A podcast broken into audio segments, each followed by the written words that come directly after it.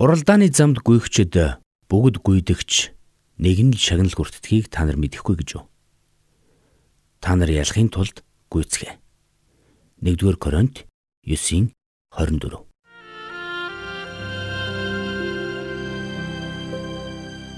Мэргэний сонсог, мэдлэгийн тэлэг. Ухаалх нь мэрэгэн өдөр төмжийг мөн авах.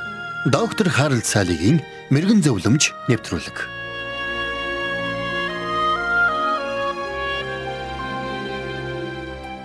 Галт морд хэрэг химээх э, классик кинонд Оксфортын гүйлтийн тамирчин Харалд Абрамс өөрийн гол төлөөлөгч Эрик Лидилийг гүйлтийн тэмцээнд хэрхэн гүйхийг хараад зүрх нь үхэж түүнийг хизээж ялж чадахгүй юм байна гэсэн бодолд автдаг. Түүнийг тийхүү тулгай гудайлган уруу царайлган сууж байгаа харсан найз үсгийн түүн дээр ирээд тэр үед Эрик хэрвээ би түүнийг ялж чадахгүй бол дахиж гүйхгүй гэж хэлдэг. Харин найз үсгийн түнд харин ч чи гүйхгүй бол ялж чадахгүй шүү дээ гэж хариулдаг.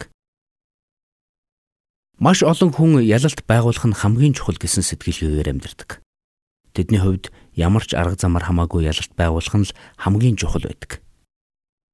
Кембрижийн шүүгчид Абрасамыг сонирхогчдын уралдаанд зориулан мэрэгжлийн дасгалжуулагч хөлсөллөө хэмээн буруутгах үед Абрасам тэднийг хоцрогдсон хэмээн шүүмжилж өөрийнхөө ирээдүйг тодорхойлох болно хэмээн уурладаг. Зарим талаасаа түүний энэ үг үнэн байсан. Учир нь ирээдүйд үнэхээр хүмүүс ялалт байгуулахын тулд юу ч хийхээс буцахгүй болсон. Өнөөдөр олон хүн ялалт байгуулахын тулд хуурч мэхэлж, хориотой юм бэлтгэл хэрэглэж, өрсөлдөгчө хорлохоос буцахгүй болсон. Гэхдээ эцсийн дүндээ ялалт байгуулах нь хамгийн чухал гэж тэд үздэг. Тэгвэл ялалт үнэхээр хамгийн чухал гэж юу? Энэ талаар бодох бүрдээ би Илч Паулийн Коринт цагталтаа бичсэн үгийг сандаг. Тэрээр Коринтын итгэгчдэд хандан бичихтэй. Уралдааны замд гүйгчд бүгд гүйдэгч нэг нь л шагнал хүртдгийг та нар мэдэхгүй гэж юу? Та нар ялахын тулд гүйцгээ химэн тэмцээнд өрсөлдөгч бүр бүх талаараа бие захирах чадварт өөрийгөө дасгалжуулдаг гэж. Тэд муудах дитэм хүртхийн төлөө бол харин бид үл муудах дитэм хүртхийн төлөө юм гэсэн байдаг. Элж Паул эдгээр үгсийг бичгтээ тухайн үед Коринт хотод болдог байсан Истмийн спортын наадмыг дотроо төсөөлөн бичсэн гэж би боддог. Тэрээр та нар ялахын тулд гүйцэтгэх хэмээн бичгтээ. Итгэлийн замаар алхаж байгаа итгэгч хүнийг гүйлтийн уралдаанд орж байгаа тамирчин хүнтэй зөвлөсөн байна. Тэрээр энэ хоёр тохиолдолд хоёуланд нь дагах ёстой дүрм журм хүлээн зөвшөөрөгдсөн хим химжээ гэж би. Хэрв уралдааны замдаа дүрмээ зөрчвөл уралдаанаас гасагдах хүртэл торгуулийг хүлээдэг. Тэгвэл Илч Паул энд бидэнд ялалт чухалч гэсэн хууль дүрмийг зөрчин байж ялалт байгуулах нь буруу гэсэн санааг хэлсэн байна. Тиймээс тэр үргэлжлүүлэг хэлэхдээ Тиймээс би зориггүй мэт гүйдэггүй. Хи агаар зохих мэт нудрагалдаггүй. Харин ч бусдад тунхагласан атлаа өөртөө тэнцээгүй байх вэ гэсэндээ бие залхааж боолчилдог гэсэн байна. Энд гарч буй тэнцээгүй гэсэн үг нь адикомос буюу шаардлага тэнцээгүй гэсэн утгыг илэрхийлдэг. Энэ бол маш сонирхолтой үг.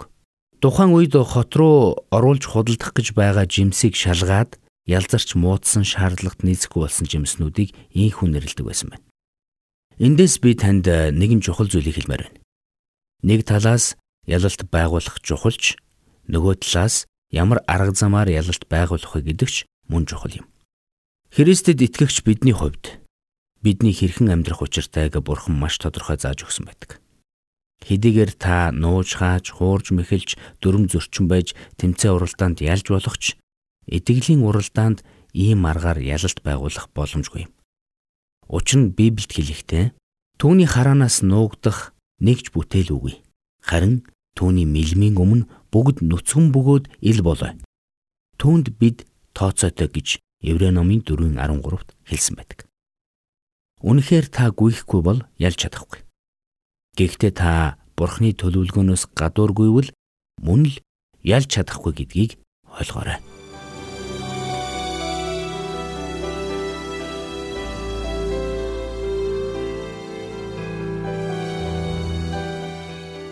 Мэргэн нэгнийг дагвал мэргэн, Мулгуутай нөхөрлөл хорлол. Доктор Харалт Салигийн мэрэгэн зөвлөмж нэвтрүүлгийг танд хүргэлээ.